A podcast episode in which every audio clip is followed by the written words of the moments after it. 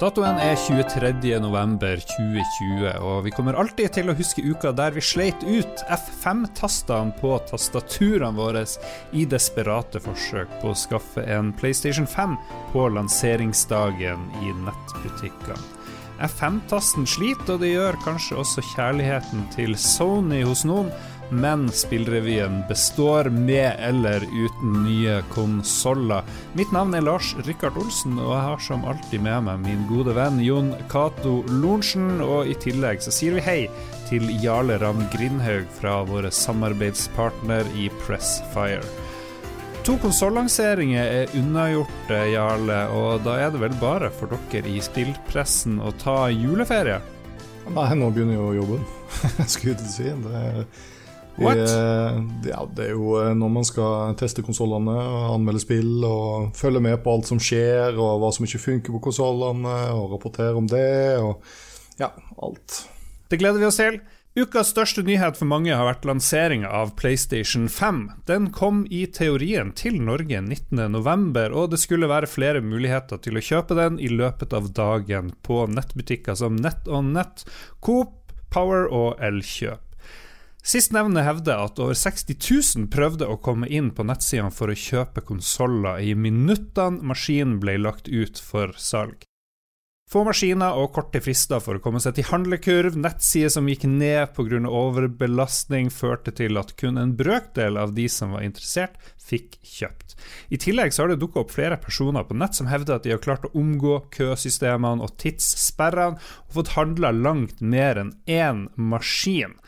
Det her bærer markedsplassen finn.no preg av, der det har ligget mellom 100 og 200 PlayStation 5-maskiner til salgs for det tredobla av butikkpris siden lanseringa.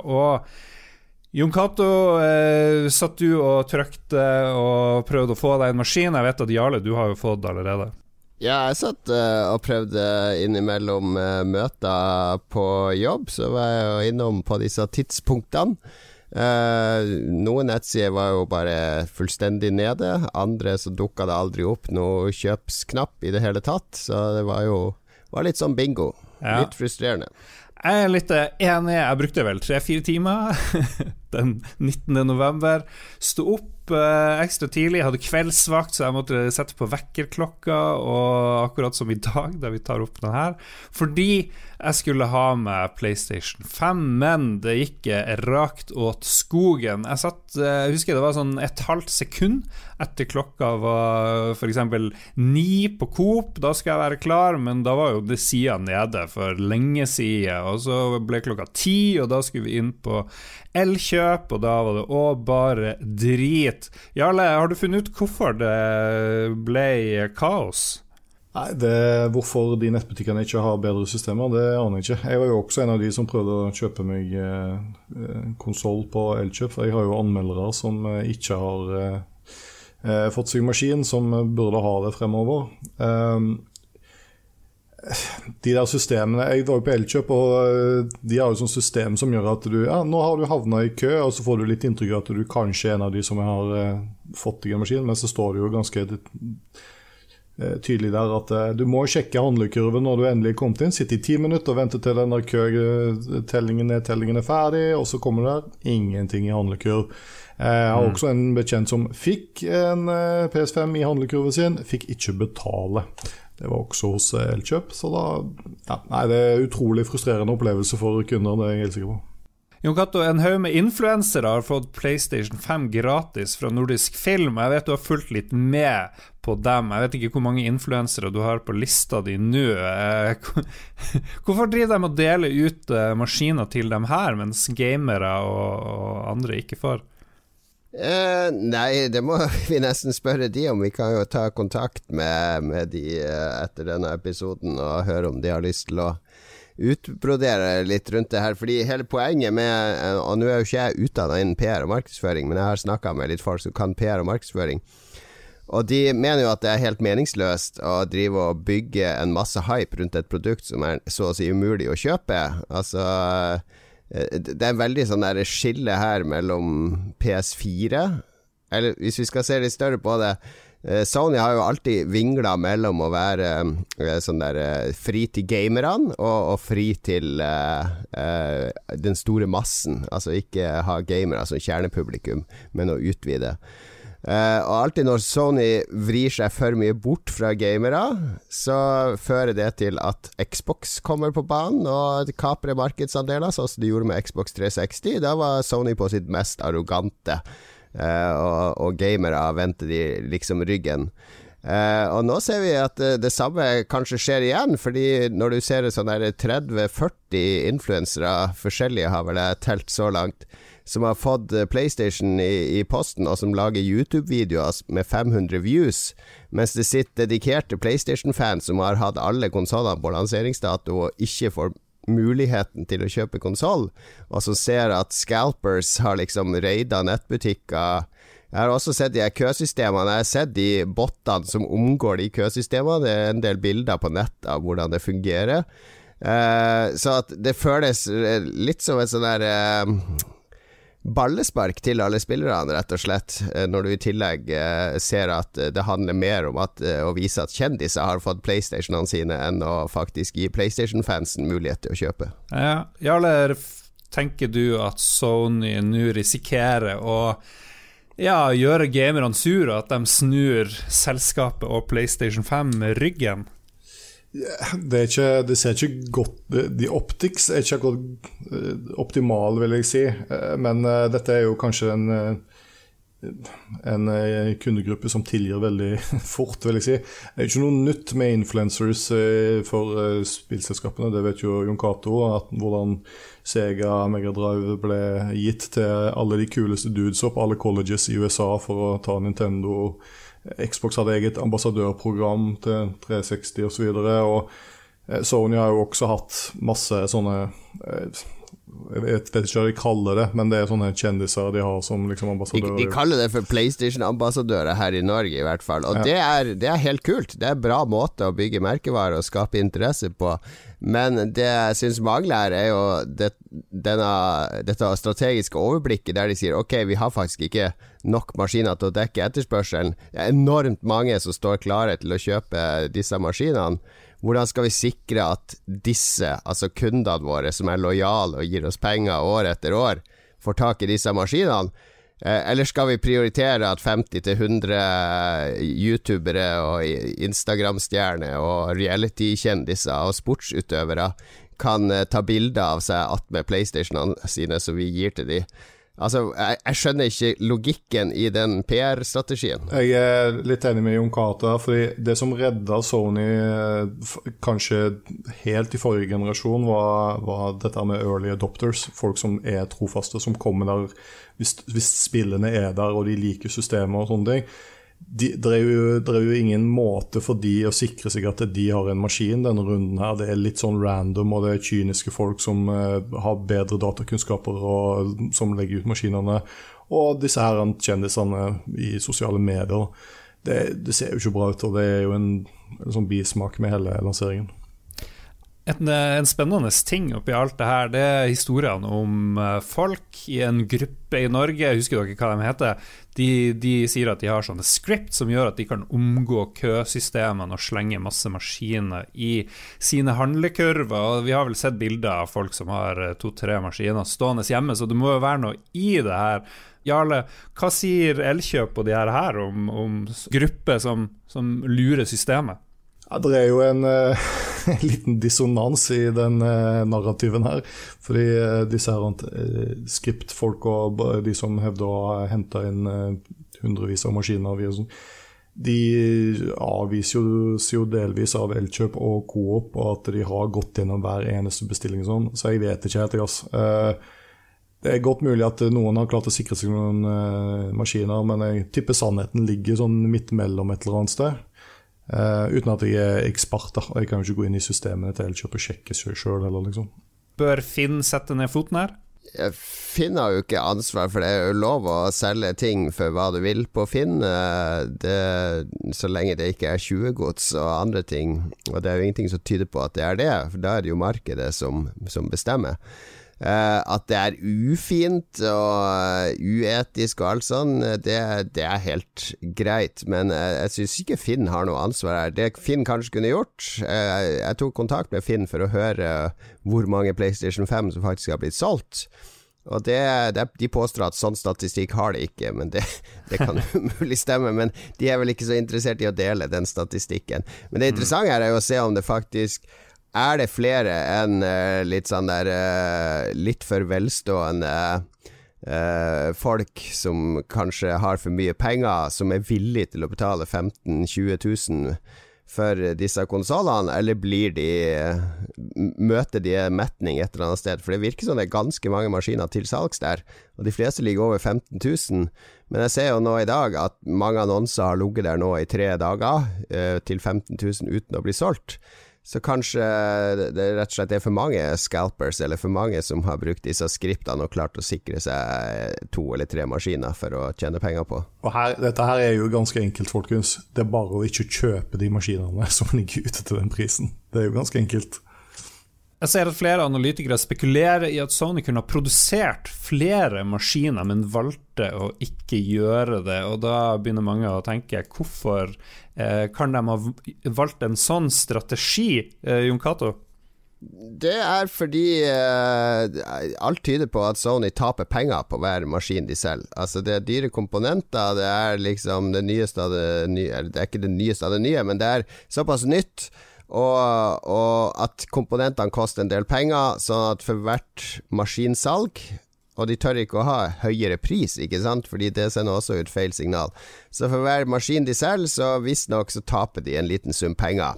Så da vil du jo gjerne kontrollere denne kostnaden, fordi sånn det fungerer i elektronikkverdenen, er jo at komponenter blir jo billigere over tid. Det blir eh, lettere å produsere over tid. Eh, teknologien gjør at du kan redusere antall komponenter du trenger på et kretskort osv. Så, så de har vel beregna at om et halvt år eller ett år så vil de kanskje gå sånn at nå faktisk tjener vi penger på å produsere den, nå går vi ikke i null. Så da vil de ha kontroll på hvor, hvor stort dette tapet blir før de begynner å tjene penger på maskinen, Eh, min teori, da. Og det her er jo også noe Nintendo ble kritisert for å gjøre på hele 80- og 90-tallet. At hver gang det kom et nytt storspill, så produserte de med vilje for lite av det, nettopp for å få denne panikken og eksklusivitetsfølelsen eh, for de som faktisk fikk tak i spillet. Spillrevyen har sendt spørsmål rundt lanseringa av PlayStation 5 i Norge til de som distribuerer maskinen her til lands, Nordisk Film. Vi har ikke fått noen svar fra selskapet før denne episoden ble ferdig og klar til å sendes ut i dine ører. Danske IO Interactive er mest kjent for Hitman-serien, hvor du spiller en skalla leiemorder. Og I forrige uke kunngjorde selskapet at de har fått lisens for å jobbe med et James Bond-spill. Det er ikke basert på noen av filmene og skal handle om en ung og mindre erfaren James Bond.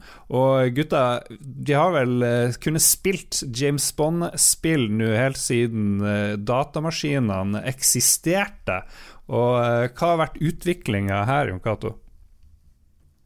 Det har jo vært uh, gjennom et 80-tall med store lisensierte spill basert på 80-tallets James Bond-filmer, til hele filmfranchisen hadde en liten sånn identitetskrise på 90-tallet. Og uh, det egentlig ikke kom noen spill før Golden Eye, som kom på en måte to år etter uh, filmen, og kanskje var det beste James Bond-spillet ever. Uh, fritt basert på filmen og, og, alt mulig sånn. Og etter det så kuppa vel Electronic Arts den James Bond-lisensen, og da spydde de ut en masse middelmådige uh, James Bond-spill. Third person og first person action og kjøring og alt mulig sånn. Uh, og så har det nå i denne nye revivalen av James Bond med Daniel Craig, der de har blitt litt modernisert og sånn, så har det vært eh, Det har ikke vært noe særlig James Bond-spill. Eh, så det har liksom lisensen har ligget der og vaka en stund. Activision har hatt den de, de siste, faktisk. Og de ja. sto jo bak den merkelige Golden Eye remake, ikke-remake-utgivelsen som kom for en del år siden. Det kom på Vi, den, av alle ting. Ja, og jeg gjorde litt research, fordi eh, litt av utfordringen med den Golden Eye-lisensen er at eh, den er en ekstremt eh, komplisert sak for jurister. Fordi det er både Nintendo var utgiver på spillet, så de eier merkevaren på spill. Og så har Microsoft kjøpt studio som har lagd Golden Eye-spillet, og så har Activision og eid lisensen. Så en, eh, de jobba jo med en eh, remaster av Golden Eye-spillet til Nintendo 64, men det bare endte i lapskaus og ble avslutta pga. Av den eh, lisensfloken. Yes. Det minner meg om filmen Blade Runner, som også var så komplisert lisens til at det dukka opp et Commodore 64-spill basert på musikken til Blade Runner. kreativt. Veldig kreativt. Jarle, hva du tror er grunnen til at vi kan være litt gira for at IO Interactive skal lage James Bond-spill? mange, det, du skal ikke ha spilt mye Hitman før du kan eh, forestille deg eh, hvordan IO klarer å lage noe James Bond ut av litt samme filosofi som de har brukt på Hitman. Det er jo snikespill med agent og Eh, og alt sånt. Eh, så er det jo spørsmålet da, om IO klarer å ha den lille liksom, glimt i øyet og en eh, protagonist med personlighet som de har slippet å lage i de spillene sine til, til nå. Det, dette er jo unektelig et veldig interessant samarbeid, vil jeg si. Det er vel bare Kojima, IO og ja, kanskje Splinter Cell-folka som kunne ha lagd det spillet, tenker jeg. Mm. Jeg syns det henger ganske bra på grep, eh, fordi det kom litt ut av intet. Men når du tenker over det, så er det egentlig en veldig god match. Fordi ikke minst er jo Når du tenker på environment og art og de typer miljøer som IO Interactive har skapt i spillene sine de siste ti årene, for de har bare laga uh, eh, Hitman-spill i ti år nå. Uh, det er jo kunnskaper de enkelt kan bruke til et James Bond-spill. Altså Et, et Hitman-spill kan jo se ut som et James Bond-spill i utgangspunktet. Så her eh, Det er veldig smart eh, at, de, at de har klart å sikre seg denne lisensen, tror jeg. Jeg har jo litt sansen for IO Interactive. De begynte vel egentlig med Amiga-demoer, tror jeg, før de begynte å slå seg rundt eh, med spill. Litt sånn som Dice. De var vel òg en slags demogruppe, i hvert fall deler av selskapet. Men uh, tror du det blir bedre enn Golden Eye, Jarle? jeg tør ikke å egle på meg alle Nintendo-fansen eh, med å uttale meg om det. jeg tror Jon Cato har helt rett. Altså, Å lage gode spill har de jo gjort veldig lenge. Men, eh, men jeg tror på en måte de tenker at Hitman som markedvare har nok nådd et slags tak. Eh, mens James Bond kan ta de mye lengre, tror jeg, da. To nye norske spill har blitt lansert de siste ukene. Ravn Studio har sluppet Kaptein Sabeltann og Den magiske diamant på Nintendo Switch og Steam. Spillet er utvikla i samarbeid med Rock Pocket Studio og er et plattformspill satt til det kjente sjørøveruniverset. En litt mindre kjent utgivelse med norske bidrag er Showdown til Commodore 64, laga av Ricky Sickingert og Henning Ludvigsen, sistnevnte nettopp fra fra Rock Pocket. Vi tok en prat med Henning og Ricky om hvordan det er å lage spill på Commodore 64 i 2020. Nei, Det er en plattform jeg alltid har syntes var kjekk og gøy. Og så Noen år siden som, så ble jeg kjent med en annen bergenser som har laget spill i nyere tid til Commodore 64. Og Da ble jeg liksom oppmerksom på at det gikk an å gjøre det. Så begynte jeg å sjekke litt rundt, og så viser jeg at det finnes jo masse moderne verktøy for å lage Commodore 64-spill. Og det er jo et kjempestort og aktivt miljø som holder på òg. Da, ja, det, det, er ting jeg oppdaga, hvor, hvor, veldig imøtekommende og, og, kult miljø det er faktisk i, i Commodore 64-miljøet i dag, liksom. Det er jo noe jeg ikke helt var klar over. Jeg er jo veldig nostalgisk, nostalgisk av meg, og jeg har så mye bra minner med Commodore 64. Og det å kunne lage noe i dag, liksom. Og en, finne en publisher og gi det ut på fysisk på kassett og liksom, få til ting. Og du ser at man så det er jo så mye, altså Jeg lager jo vanlige dataspill og, til nyere plattformer, liksom, men dette er jo det er en helt annen måte. Du kan lage noe kjempekjapt, på en måte. Selv om vi brukte ganske lang tid på det her. Mm. ja, vi brukte, brukte et år. Nei, ja, men eh, ja, det er litt nostalgien, rett og slett. Så da hadde Commodore 64 så hadde jo en liten drøm om å lage et spill til det. Mm. Og nå i voksen alder så får jeg oppfylt den drømmen. Da. Det er veldig kjekt. Nei, vi har laget en, eh, ja, skal det bli en toplayer cowboy-shooter. Og så har vi eh, tatt det originale konseptet og så gjort, gjort noe vri på det. Og uh, lagt til AI så vi faktisk kan spille alene mot maskin òg, da. Så det kommer da 64, 64-spill. Det var liksom proof of concept for å se om vi fikk til Commodore 64-spill. Så det var egentlig bare for å teste litt, og så, det, så var det veldig gøy. mm. Så er det her det første Commodore 64-spillet dere har laga? Det er det, ja. Ja. ja. Dere var ikke med i demoscenen på 64 i gamle dager, eller noe sånt? Jeg var det. Eh, jeg lagde et par sånne småspill aleine liksom, på den tida. Og lagde drev med litt, eh, litt programmering der òg, faktisk. Ja. Men ikke noe, ikke noe, stort. Det var Miss Amiga hvor Ricky og jeg ble kjent da, på ITM-scenen. Mm. Ja, jeg var ikke med på Commodore 64-scenen. Det var vel egentlig like før. altså begynte jeg å programmere på Assembly, og så var det noen borte i gaten noen som kjenner, som fikk Amiga. Mm. Så jeg Tett Drive på Amigaen, og da var jeg solgt. Da måtte jeg ha Amiga. Så da droppet jeg alt som hadde med 64 å gjøre. Vi kommer til å prøve oss på ett Commodore 64-spill til, i hvert fall. Og så har jeg lyst til å Så snuser vi litt på å prøve på noe 16-bit for å ha litt mindre begrensninger. Mm. Vi uh, vurderer uh, å lage en liten vri altså, inspirert av et brettspill som heter Roborally, men uh, som, som, hoved, altså en for veldig forenkla type gameplay. da Så det er et slags rundebasert spill. Mm. Uh, så vi tenker veldig mye på det å kunne lage litt, sånn, litt partyspill som er ganske kjappe og enkle å sette seg inn i, og som skal være gøy. da Ikke noe sånn der, ikke for store scopes, for dette er ting vi bare gjør på si for gøy. Og det er en sosial greie vi, vi har sammen, liksom. Så vi prøver å finne ting som, er, som vi har lyst til å spille, og som er eh, overkommelig å lage. Mm. Så tror vi kanskje det kunne vært artig å prøve seg på. Det er som et par steg videre enn Showdown, da, det spillet vi lagde nå, først. Nei, største utfordringen er jo at du har veldig lite minne. Sant? Du har veldig begrenset med med CPU òg. Sånn det er ikke alt du vil få til, som du kan få til. Du kan jo få, ha maks eh, åtte spriter på skjermen samtidig. Og spriter er jo sånne firkanter med grafikk, så du mm. bruker til spillere og kuler og sånt.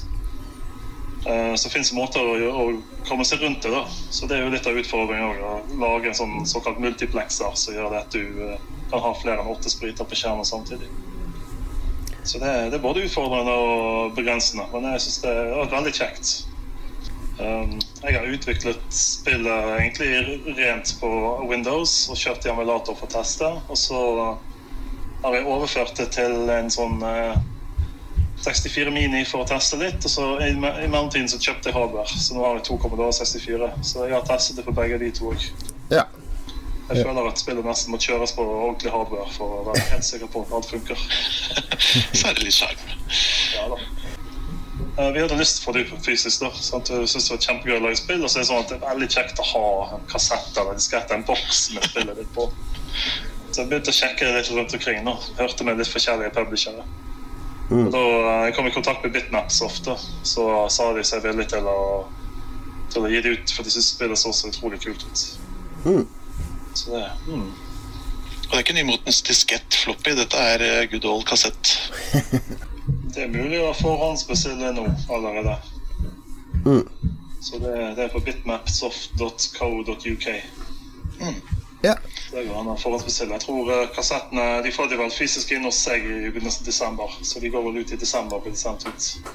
Nå skal man nesten digitalt på, uh, på Itch.io. Ja. Mm. Det høres ut Man kan også lage en vinterversjon av spillet som heter Snowdown, hvor det er to nisser som kaster snøball. Oh. vi lager en bundle med Eller Ricky har satt sammen noen bundle med andre 64-spill som vi skal gi ut nå til før jul. Ja, ja, ja, ja. Sånn Christmas Commodore 64-bundle med 14 forskjellige spill med noen av de mest kjente utviklerne på Commodore nå. Så det blir spennende. Vi er jo store fans av Commodore 64, Jon Cato eh, og meg sjøl. Jarl, jeg vet ikke, var du en Commodore 64-mann? Veldig glad i Commodore 64, men eh, jeg var i den uheldige utviklingen der med at jeg hadde VIC 20 først, og så kjøpte hei, pappa hei. Amstrad eh, etterpå. Før jeg, ja, så når alle kompisene mine hadde Commodore 64, så hadde jeg en Amstrad CPC 6128. Um, men gikk jo over på Amiga etterpå, og da ble jeg faktisk i 10-15 år. Så jeg er Amiga-mann, men veldig glad i Commodore 64, kan man si. Mm. Er det noe vits å lage spill til? En uh, maskin fra 82, eller hva det nå er, Jon Cato? Det er jo ikke noe kommersiell vits i det, men det er jo et lite og intimt miljø der jeg har inntrykk av at nesten alle kjenner alle. Sånn at det blir jo mer bare å lage ting på hobbybasis for venner og kjente og vise seg fram.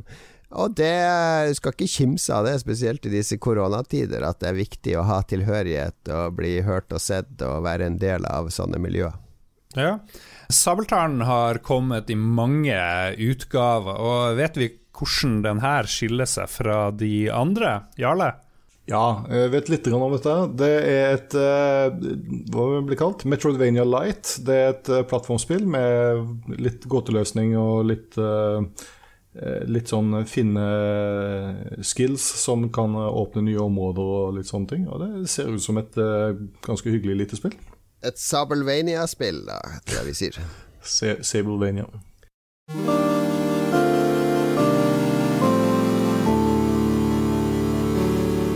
Selskapet Apple forteller at eh, utviklere som tjener mindre enn 1 million dollar i året, ikke lenger må gi 30% av inntektene de får fra spill, til Apple. Nå så skal giganten nøye seg med 15% det må jo være gode nyheter for små utviklere. Det kan ikke være noe tvil om det. Du har jo gnagd om det her lenge, Jon Cato.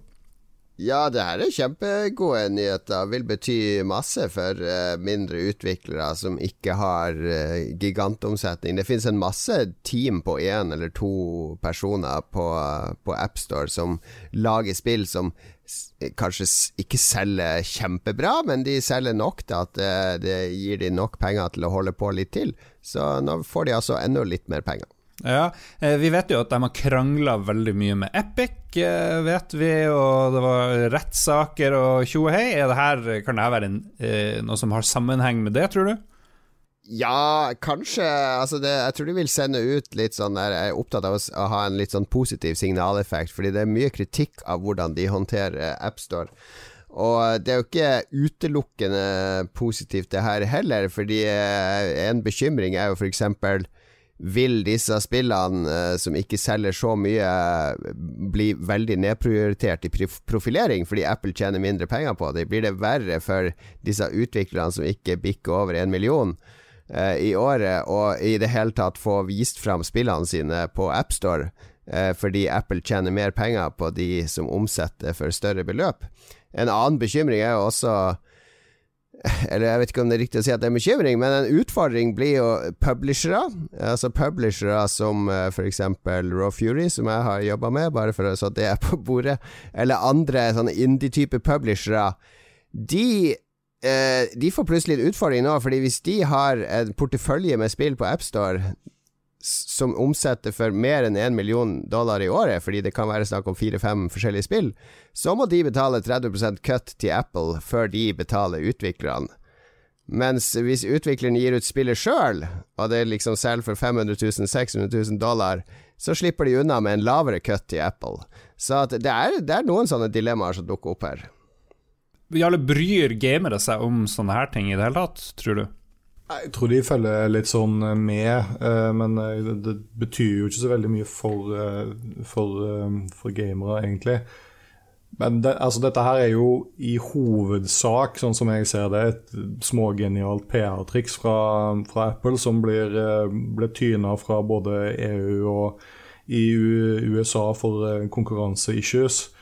Um, og har blitt litt murring i leiren nå som de store gutta har begynt å minne alle på at de tar 30 Så nå får de roa gemyttene litt. Jeg, tipper de under en million her som, uh, som uh, opererer i det markedet, utgjør utrolig mange. Fordi det er vel ganske få som tar den største delen av kaka i, i mobilmarkedet. Så nå roes kanskje mesteparten av de som Kanskje 80% eller noe sånt av de som legger ut ting på Apple. Og det har jo litt å si, da, at vi får roa gemyttene. Mm. Kommer noen andre selskap til å følge etter og prøve å redusere det de tar i cut, tror dere, Jon Cato?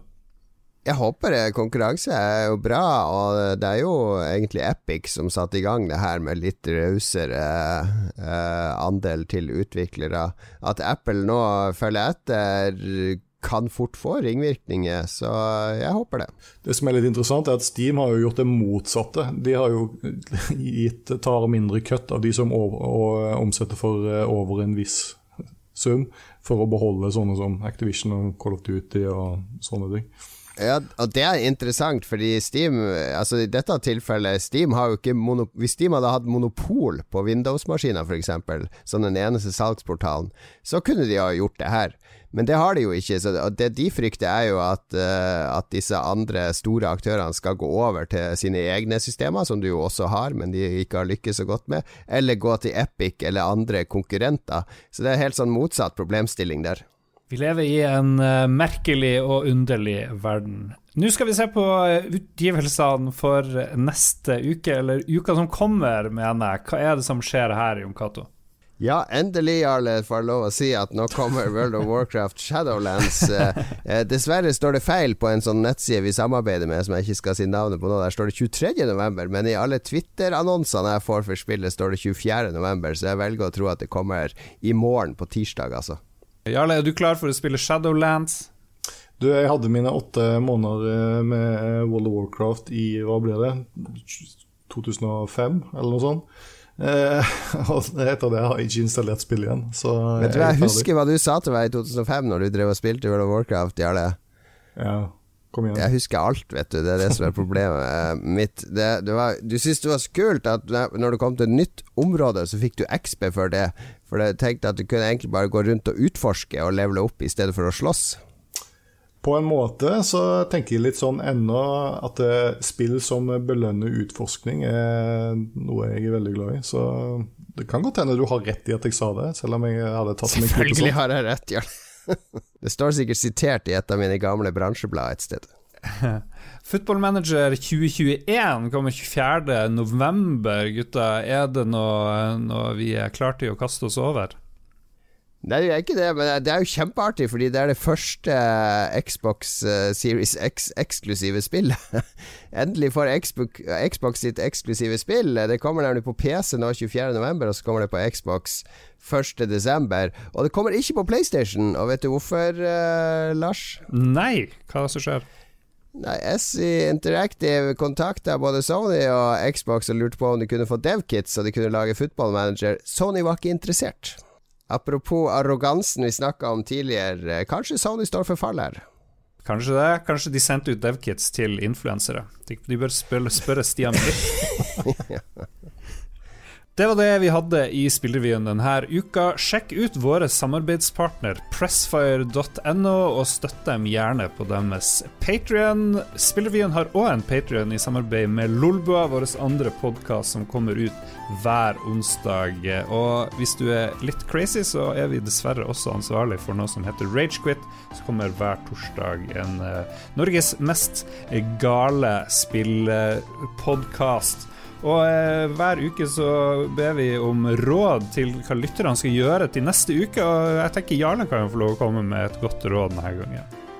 Eh, ha hvilepuls rundt eh, de nye konsollene. Ikke betale 20 000 for en konsoll på Finn, og bare ro egget. Ikke støtt disse folka. Jeg er helt enig, og jeg kom på her på slutten vi må takke Martin Herfjord for intro, musikk og jingler.